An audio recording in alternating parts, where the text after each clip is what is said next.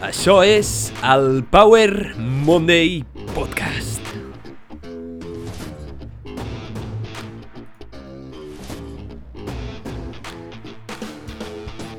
Benvinguts al Power Monday Podcast, sóc en Pau, el teu apassionat de salut, inspiració i ciència, i estic molt agraït de que estiguis escoltant aquest episodi.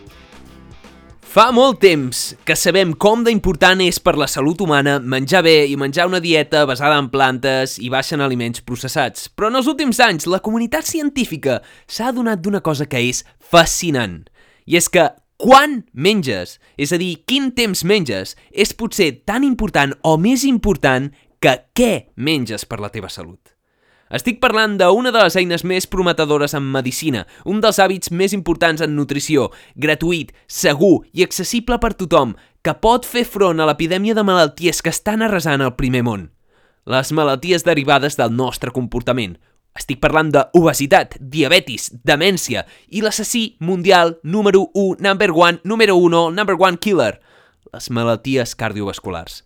Estic a punt de parlar-te del dejú i és que aquest episodi és una masterclass concentrada de dejú, ayuno, fasting o com li vulguis anomenar. I és que com a apassionat de la salut i el coneixement porto temps investigant sobre aquest tema i experimentant amb mi mateix. I tot i que estic molt lluny de ser un expert, compartiré amb tu els conceptes més importants i bàsics perquè puguis aplicar el dejú sàviament per millorar la teva pròpia vida. Aquest episodi té la següent estructura. Parlarem primer del background evolutiu, després les bases biològiques que t'ajudaran a entendre per què el fasting i el dejú pot funcionar per millorar la teva salut. Després et parlaré de què passa quan fem dejú, saber si ens morirem o no al deixar de menjar. Veurem també els diferents tipus de dejú que existeixen, els beneficis demostrats científicament i diferents estudis. I per últim, si et quedes fins al final, et diré quina és la millor manera de fer dejú per adaptar-ho a tu i treure'n el màxim profit per viure una millor vida. Parlarem també dels riscos al final de l'episodi i alguna petita reflexió, com sempre, en el camí. T'animo a que comparteixis aquest contingut per ajudar-me a arribar a més gent i impactar a més vides amb aquesta informació. La veritat és que m'ajudaria moltíssim i t'estaria molt agraït. Dit això, anem a parar al món del dejú. Per començar, m'agrada posar un consell pràctic per a aquells impacients que no aguanteu fins al final de l'episodi. I és que si has d'adoptar alguns hàbits relacionats amb el dejú per millorar la teva vida, són els següents i aquests seran els més importants. No menjar una hora després de despertar, no menjar dues hores o tres hores abans d'anar a dormir i mantenir diàriament una finestra de menjar de 8 a 12 hores. En aquest episodi parlarem d'això, queda't amb aquests números perquè t'explicaré el per què i el com, però si t'has de quedar amb alguna informació, que sigui aquesta. D'acord? Així que anem a començar de debò.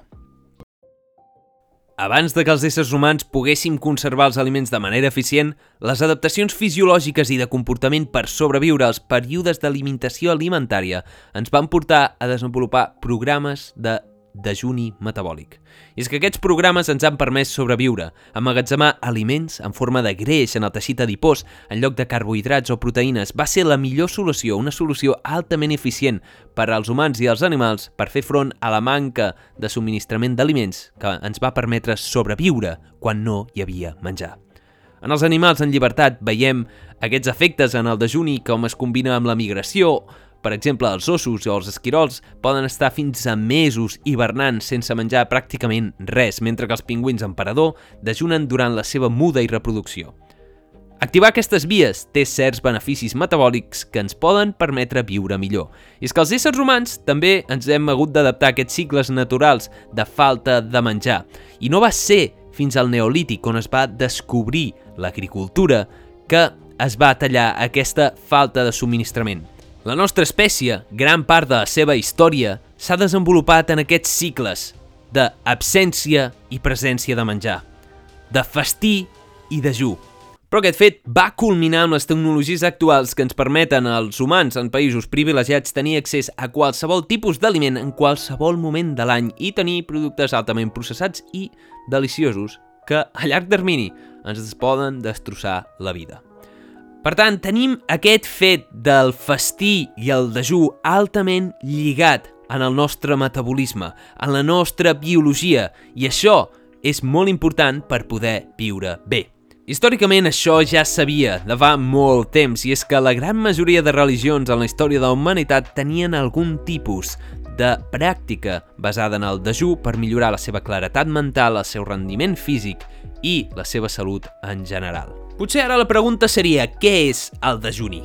El dejuni és bàsicament l'abstenció de menjar que causa una transició del metabolisme de dependència de glucosa a dependre dels cossos cetònics, és a dir, els greixos, les reserves que tenim en el nostre organisme.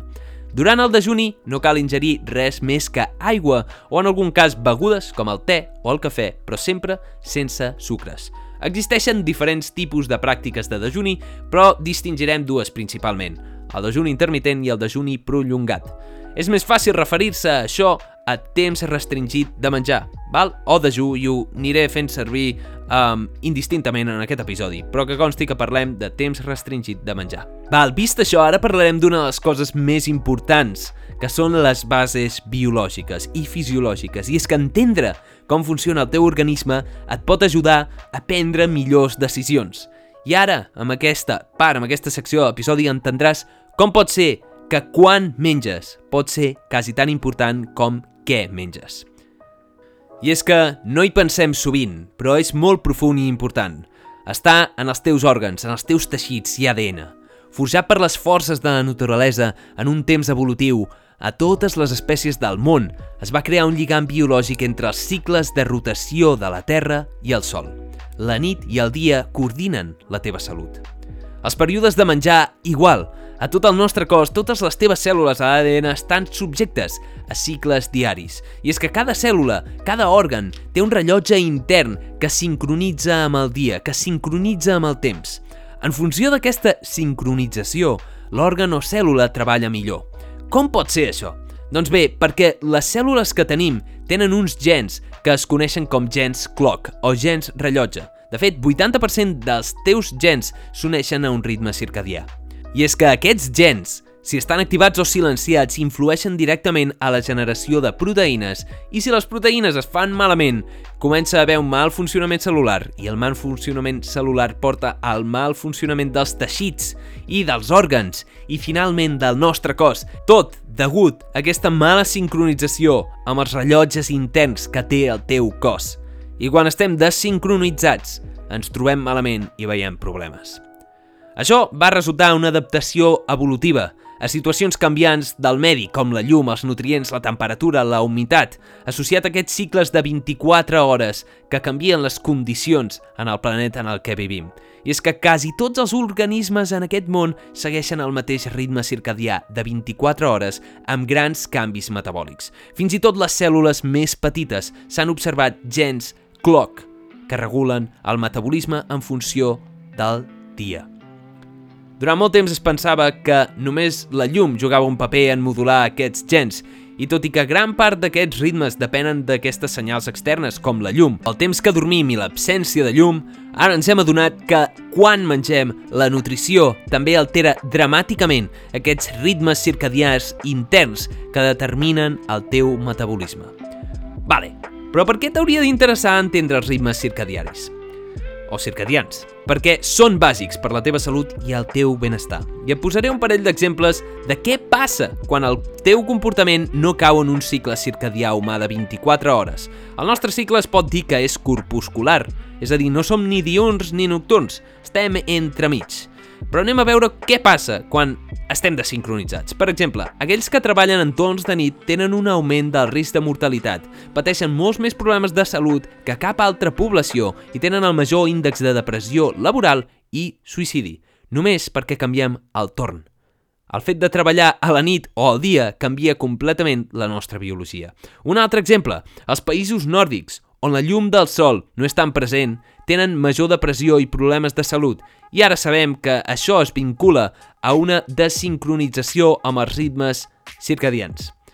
Per què ho sabem? Doncs perquè podem fer una regulació artificial amb els cicles de llum, amb llum artificial, i millorar la seva salut. Més endavant et faré un episodi de ritmes circadians, però ara ens centrem en la nutrició i el temps, la nutrició circadiana i el dejú. I ara, els resultats sembla que han observat que quan mengem és molt important. Menjar nocturnament, és a dir, més tard de les 10 en general, abans d'anar a dormir, s'ha relacionat directament amb un augment de les malalties metabòliques, per problemes amb el ritme circadià. I és que els éssers humans som animals, que estem dependents d'aquests cicles i ens habituem en aquests hàbits. De fet, estic segur que ho has experimentat. Com el dia que no menges a la mateixa hora, el teu estómac, ja sigui per mecanismes pavlovians o circadians, comença a fer sorolls, perquè has acostumat el teu cos a aquest cicle. Això et demostra que tens rellotges interns, inconscients, molt arraigats dins del teu organisme. Però la bona notícia és que els pots regular i ajustar amb els cicles de la Terra per poder viure millor. Sé que sona una mica o ajustaràs el teu cicle amb les teves estrelles i la posició de l'univers. Però la veritat és que tens un rellotge intern en els teus gens que determina directament la teva salut. I novament, no és què menges, sinó quan ho menges. I veurem per què. Llavors, què passa quan fas dejú? Et moriràs si fas dejú?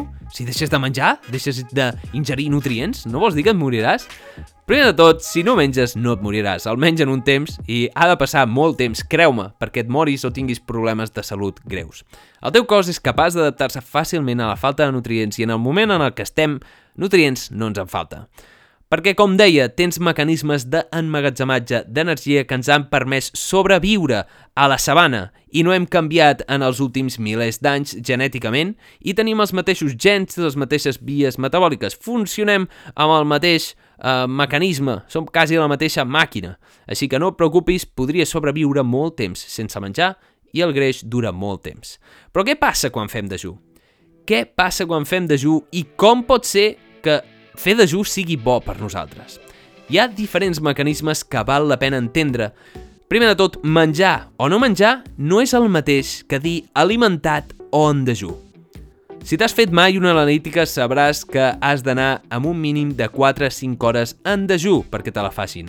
Això és realment perquè l'estat de dejú no comença fins que acaben les hores de digestió i absorció dels nutrients i això tarda com a mínim 4 hores i en funció del menjar pot comportar més temps i tot. Per tant, podríem dir que realment el dejú no comença fins a 4 hores després de que hagis fet la última mossegada, no just després de fer la última mossegada. Val, anem a establir les condicions bàsiques. I és que hi ha diverses condicions que s'han de donar en el teu cervell i en el teu cos i mantenir-les al llarg del temps per veure beneficis del dejú. Quan deixem de menjar, el cos comença a fer una transició metabòlica. Primer depèn de glucosa i glicogen, i després, quan ja han passat unes quantes hores, és quan passem a l'estat de ketosis, on el teu cos depèn dels greixos emmagatzemats. Aquesta transició de combustible amb el que funciona el teu organisme és molt important i és el que aporta els beneficis. En trets generals, diem que quan estem alimentats, el nostre metabolisme es centra en el creixement i construcció, i quan comencem el dejú, el nostre cos passa d'aquest estat de construcció i creixement a un estat de reparació i neteja, no un estat de destrucció. Comencem a veure autofàgia i reparació celular. Aquestes condicions es poden explicar per l'activació o supressió de diferents vies metabòliques, com la fosforilació d'AMTOR o la les vies de l'AMPK, els sirtuins o el FOX1 per la reparació celular. Aquestes vies s'activen amb la presència o no de menjar i sembla ser que el més important a l'hora d'entendre el dejú i eh, l'estat d'alimentació són els nivells de glucosa en sang. I és que uns nivells de glucosa en sang constantment elevats es vinculen directament amb la mortalitat global. Com més glucosa en sang, més risc de partir malalties metabòliques. Quan aquests nivells es mantenen elevats, anem adquirint el que es coneix com a insensibilitat o resistència a la insulina, que la insulina és l'hormona que es dedica a regular els nivells de glucosa en sang. Adquirim una tolerància, és a dir, cada cop ens cal més insulina per fer el mateix paper que és el d'entrar la glucosa a dins de les cèl·lules, i la glucosa es manté elevada en sang i això és perjudicial pel nostre organisme. Després acabem emmagatzemant molts més greixos i arriba un punt en el que la insulina ja no pot treballar i tenim la glucosa molt alta en sang i això no és bueno, no és bueno, eh? El més important amb el que t'has de quedar no és la bioquímica, sinó entendre els fets bàsics.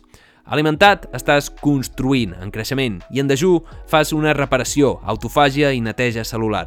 És a dir, no veiem destrucció o altres problemes quan estàs en dejú i si aquests cicles, com el yin i el yang, com la nit i el dia, s'ajusten a, i es sincronitzen, i és que el teu cos necessita els dos estats per estar saludable, alimentat i en dejuni.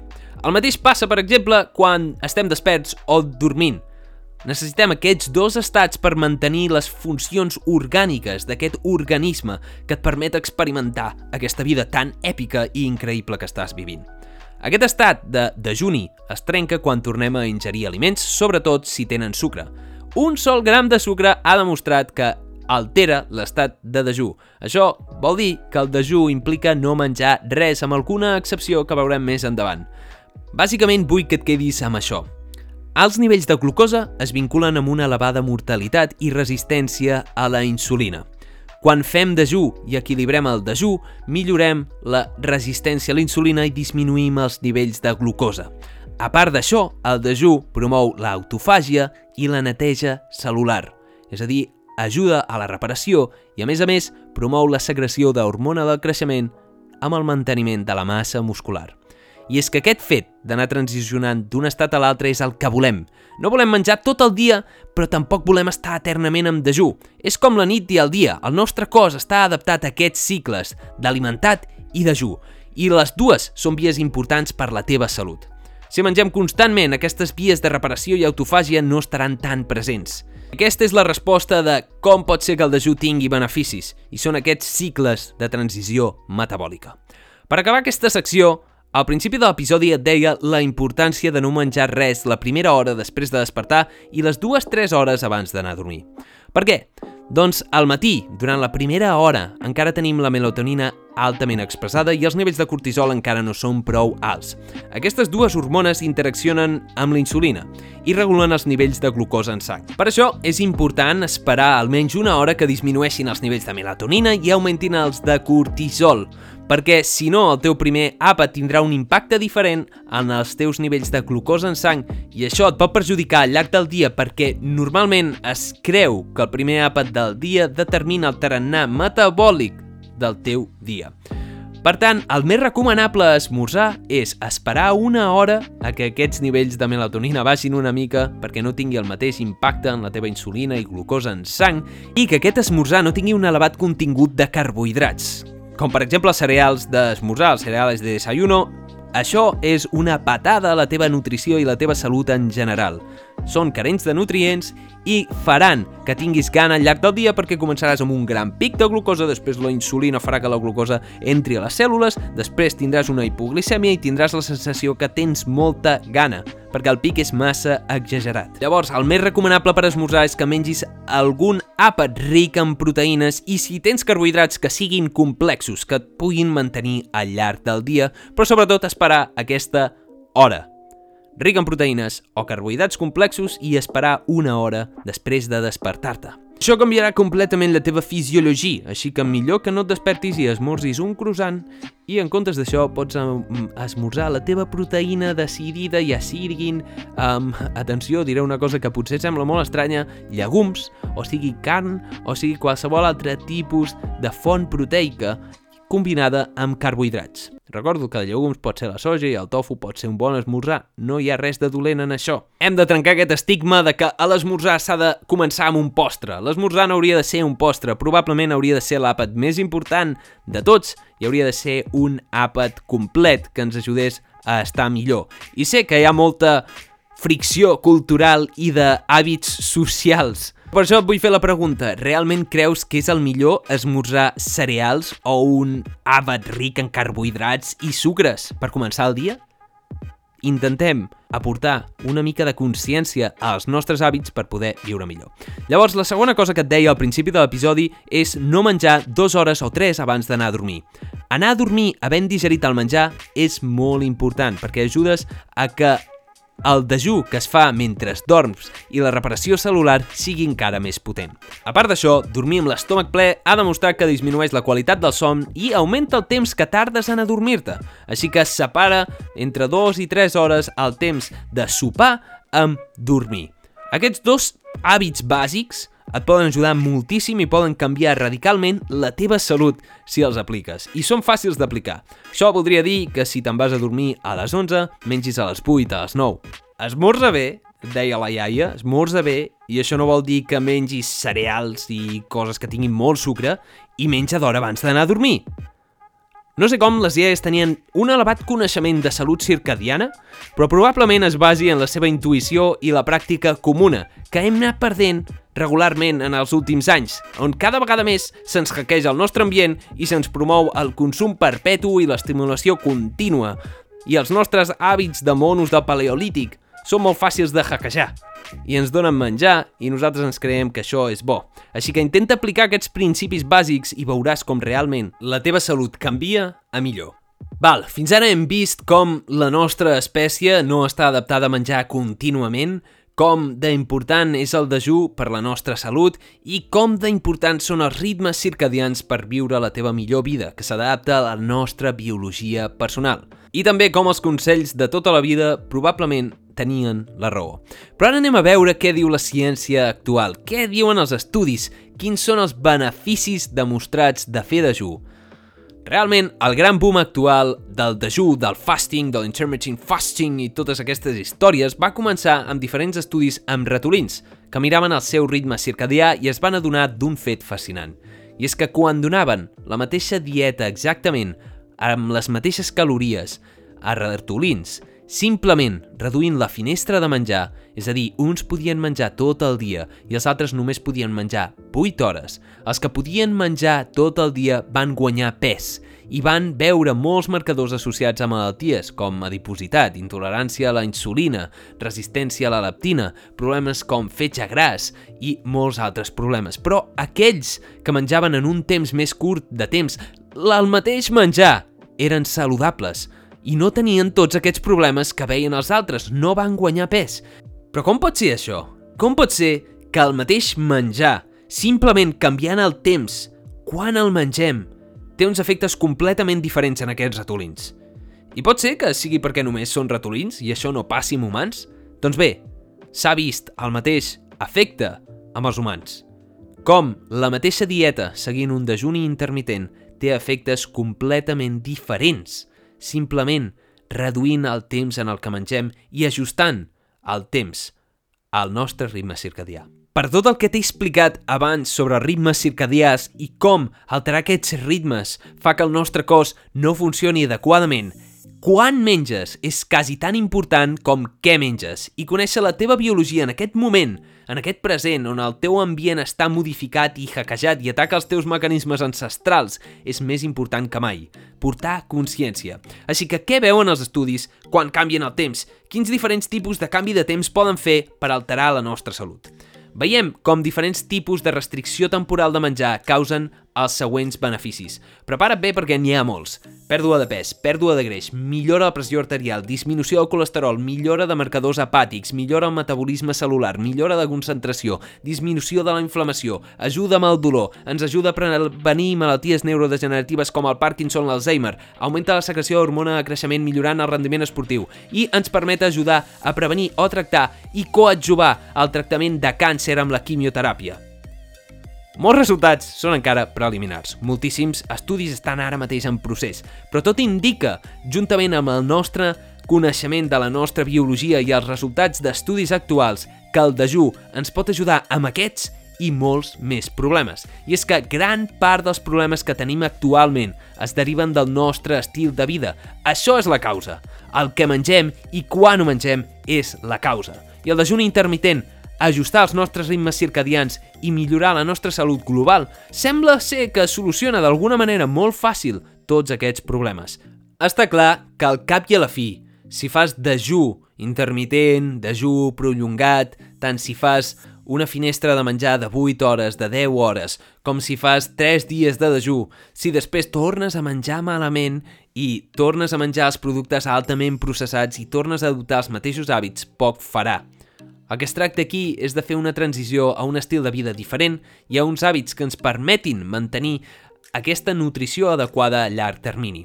Els resultats actuals dels estudis ens indiquen que els beneficis del dejú els veiem independentment de la dieta que segueixis.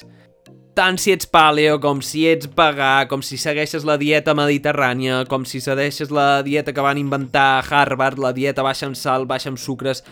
Els beneficis es veuen igualment. Això no vol dir que tots tinguin els mateixos beneficis, però tothom es pot beneficiar d'aplicar la millor finestra de menjar ajustada a l'ésser humà, que veiem que és la de 8 hores a 10 hores.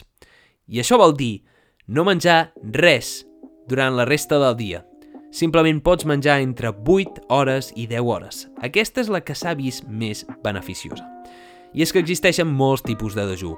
Però ara, els que han demostrat més evidència són dos.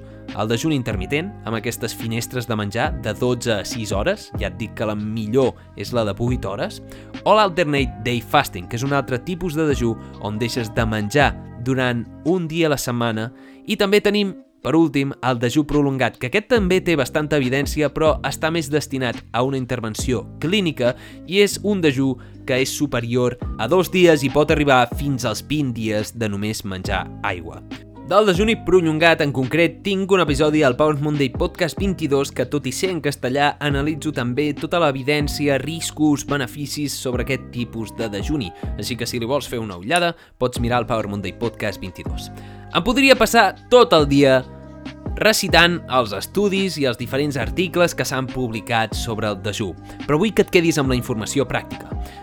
Per exemple, hi ha una revisió sistemàtica, que és a dir, una revisió de tots els grans estudis que existeixen, que veuen que dels diferents 27 estudis d'intervenció causaven una pèrdua de pes del 0,8 al 13% i que tots tenien resultats positius i sense efectes adversos amb el dejuni intermitent.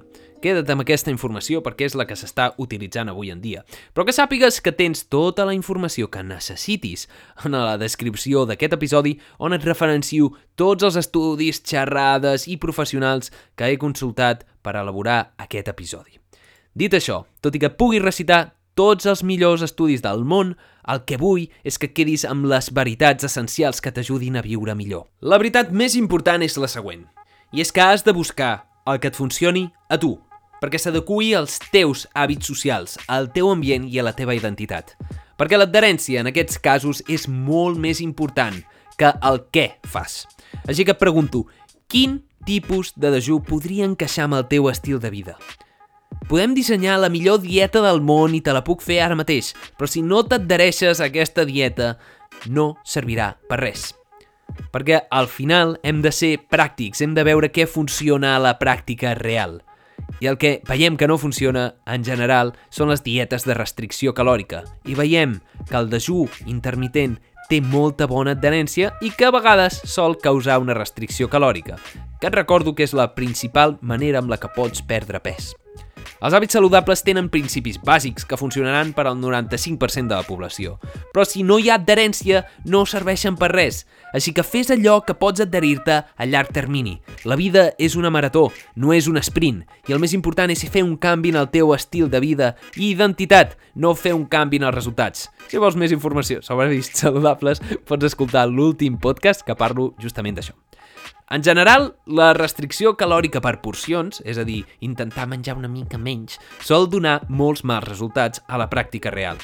Tot i que teòricament està clar, si menges més calories de les que cremes, t'engreixaràs i si menges menys, t'aprimaràs. Amb algunes variacions, com hem vist en aquest episodi, on el dejú intermitent sembla que mantenir les mateixes calories no tenen el mateix efecte i 500 calories de bròquil no són el mateix que 500 calories de bistec i no tenen el mateix impacte, però el missatge principal és aquest.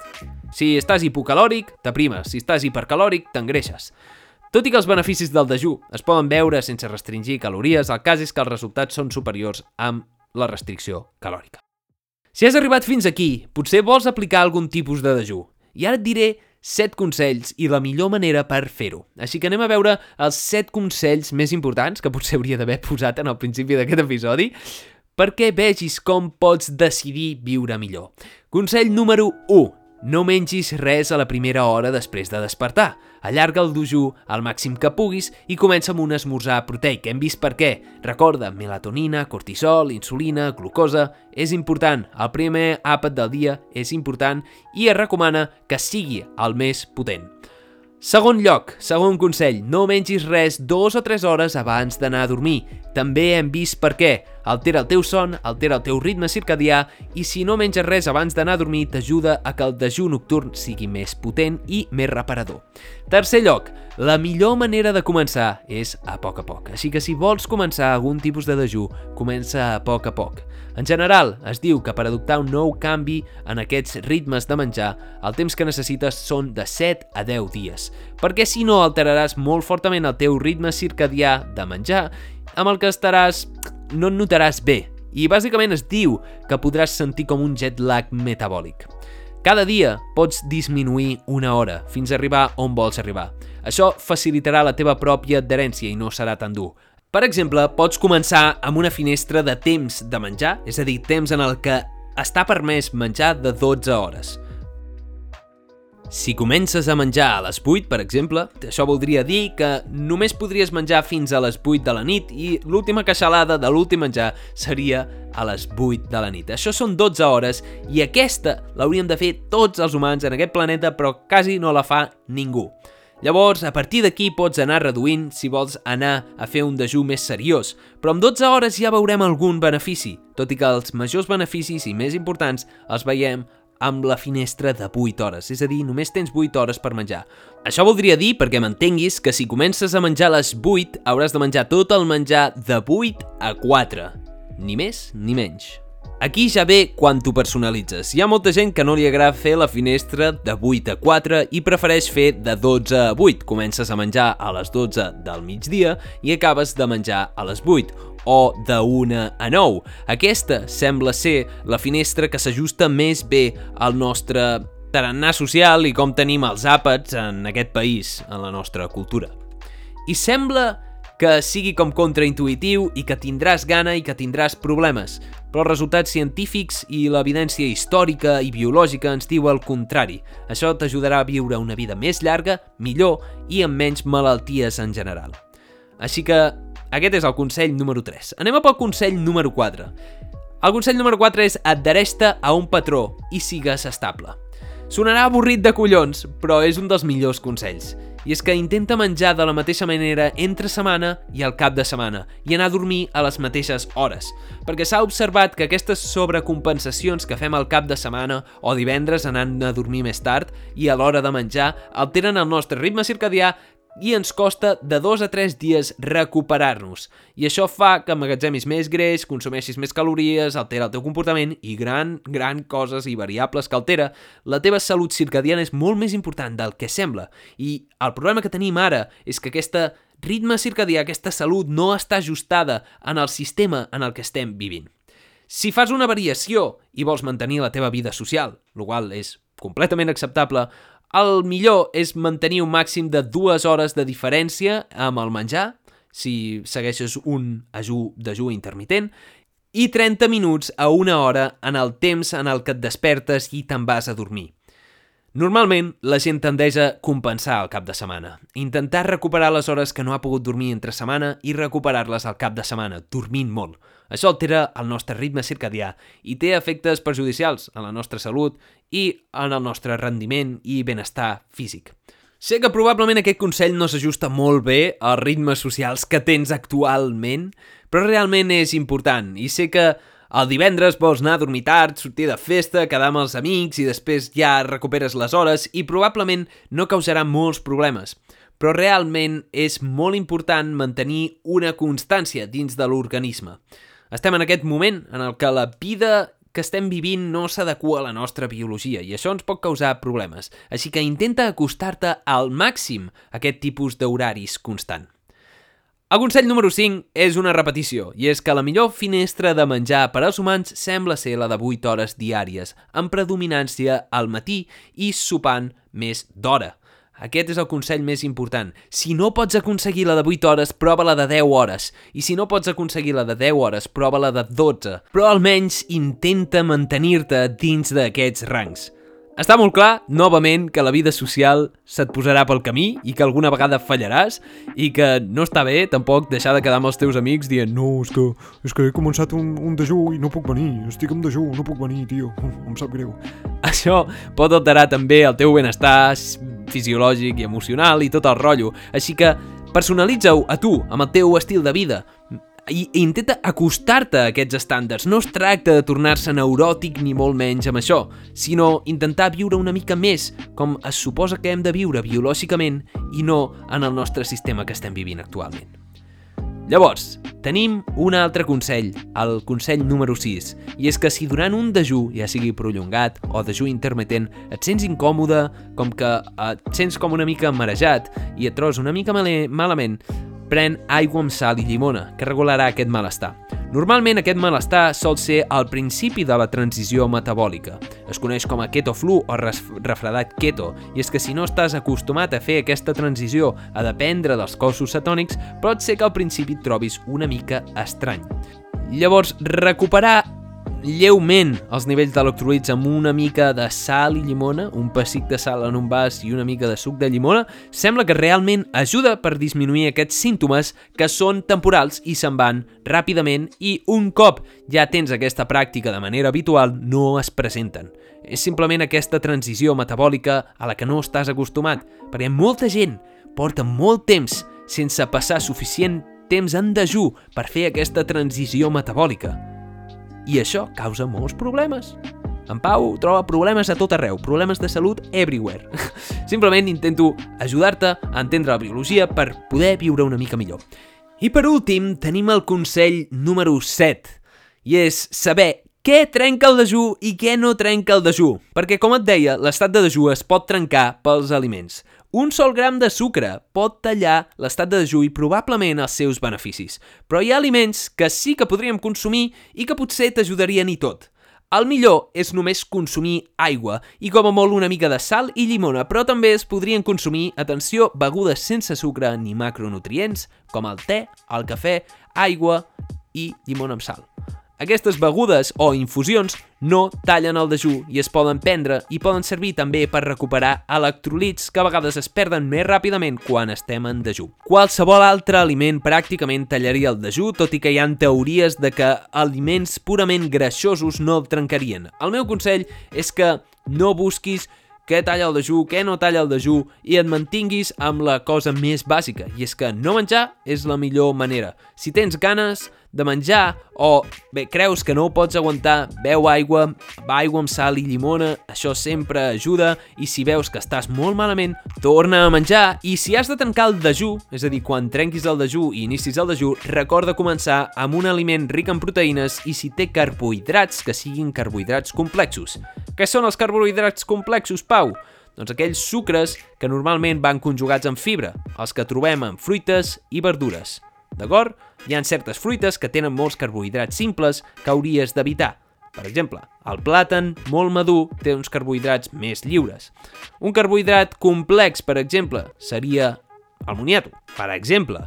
I hi haurien altres tipus de carbohidrats complexos. La cibada per esmorzar és un bon esmorzar si es combina amb prebiòtics, probiòtics. Podríem estar parlant hores i hores de nutrició. Però aquest episodi va de dejú. I la veritat és que la gent pot respondre diferent al dejú.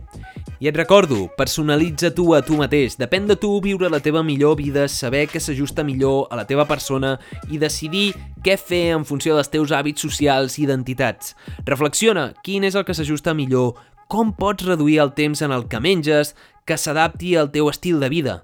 Aprèn a avaluar el teu propi sistema, fes experiments, prova amb tu mateix i comença suau i a poc a poc i amb els principis bàsics i arribaràs molt lluny.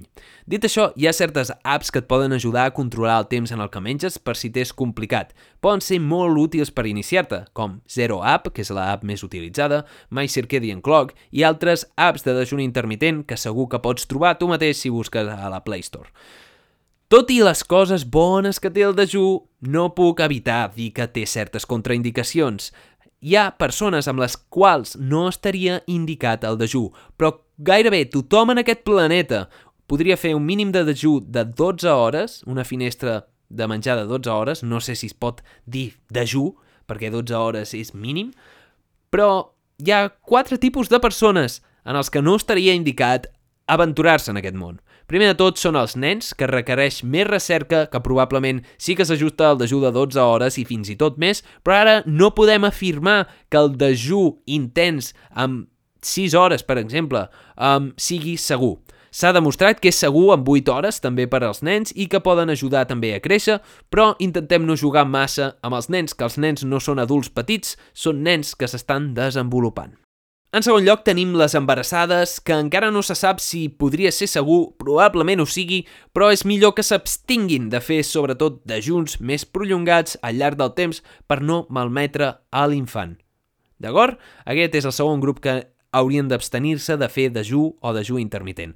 En tercer lloc tenim les persones amb trastorns de l'alimentació. I és que amb aquest episodi no vull promoure ni l'anorèxia ni la bulímia ni els comportaments que requereixen tractament per metges i nutricionistes, els trastorns de l'alimentació, que solen cursar amb problemes d'imatge pròpia i problemes de salut molt greus.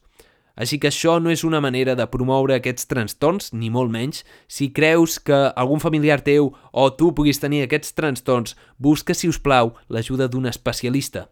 Perquè, com he dit, els estats de dejú i alimentat s'han de coordinar.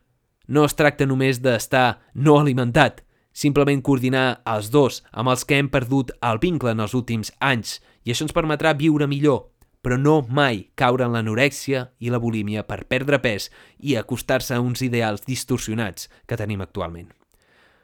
Per últim, tenim aquelles persones que està contraindicat que són les persones que estan envellint. Persones per sobre els 70 anys on es comença a iniciar un procés de sarcopènia, és una pèrdua de múscul.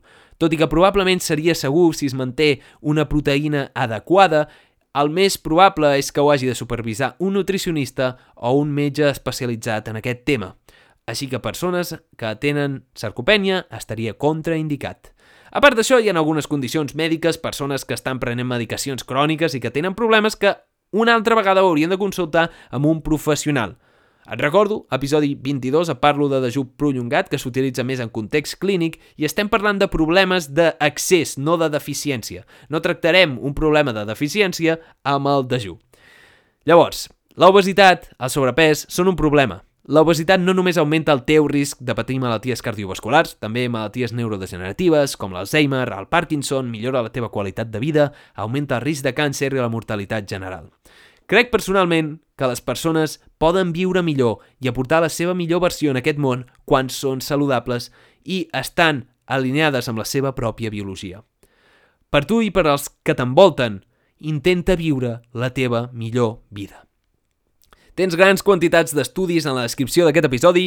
Aquest episodi serà l'episodi més llarg que he fet fins ara i el més condensat on he analitzat gran quantitat d'informació. No t'he dit tots els estudis científics perquè m'hagués passat aquí tot el dia i no hagués disfrutat ningú. Però en resum, el dejú és una eina extraordinària que t'ajudarà independentment de la dieta que segueixis, ja siguis vegà, carnívor, paleo o el que sigui. És gratuït, accessible i ho pots fer a qualsevol moment del dia i és molt, molt, molt, molt, molt segur.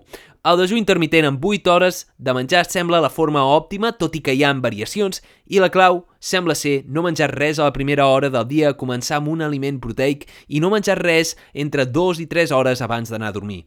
Molt més important és potser l'adherència a aquest tipus de patró en funció dels teus hàbits socials.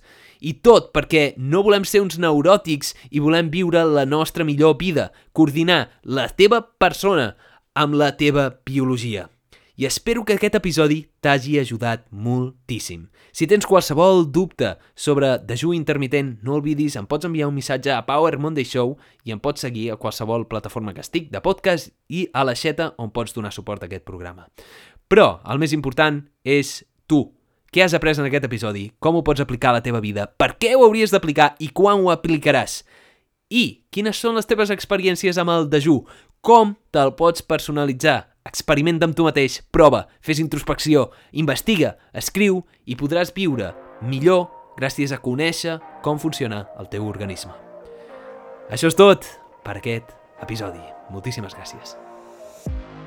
Moltíssimes gràcies per haver escoltat aquest episodi. Espero que t'hagi agradat molt o t'hagi aportat una mica de valor. Recorda, si us plau, si t'ha agradat aquest episodi, comparteix-lo amb alguna persona que creguis que es pot beneficiar d'aquesta informació. Hem vist moltes coses en aquest episodi, t'he portat molta informació i tots els estudis els pots trobar referenciats en la descripció, així com els millors experts i xerrades per als top investigadors del moment.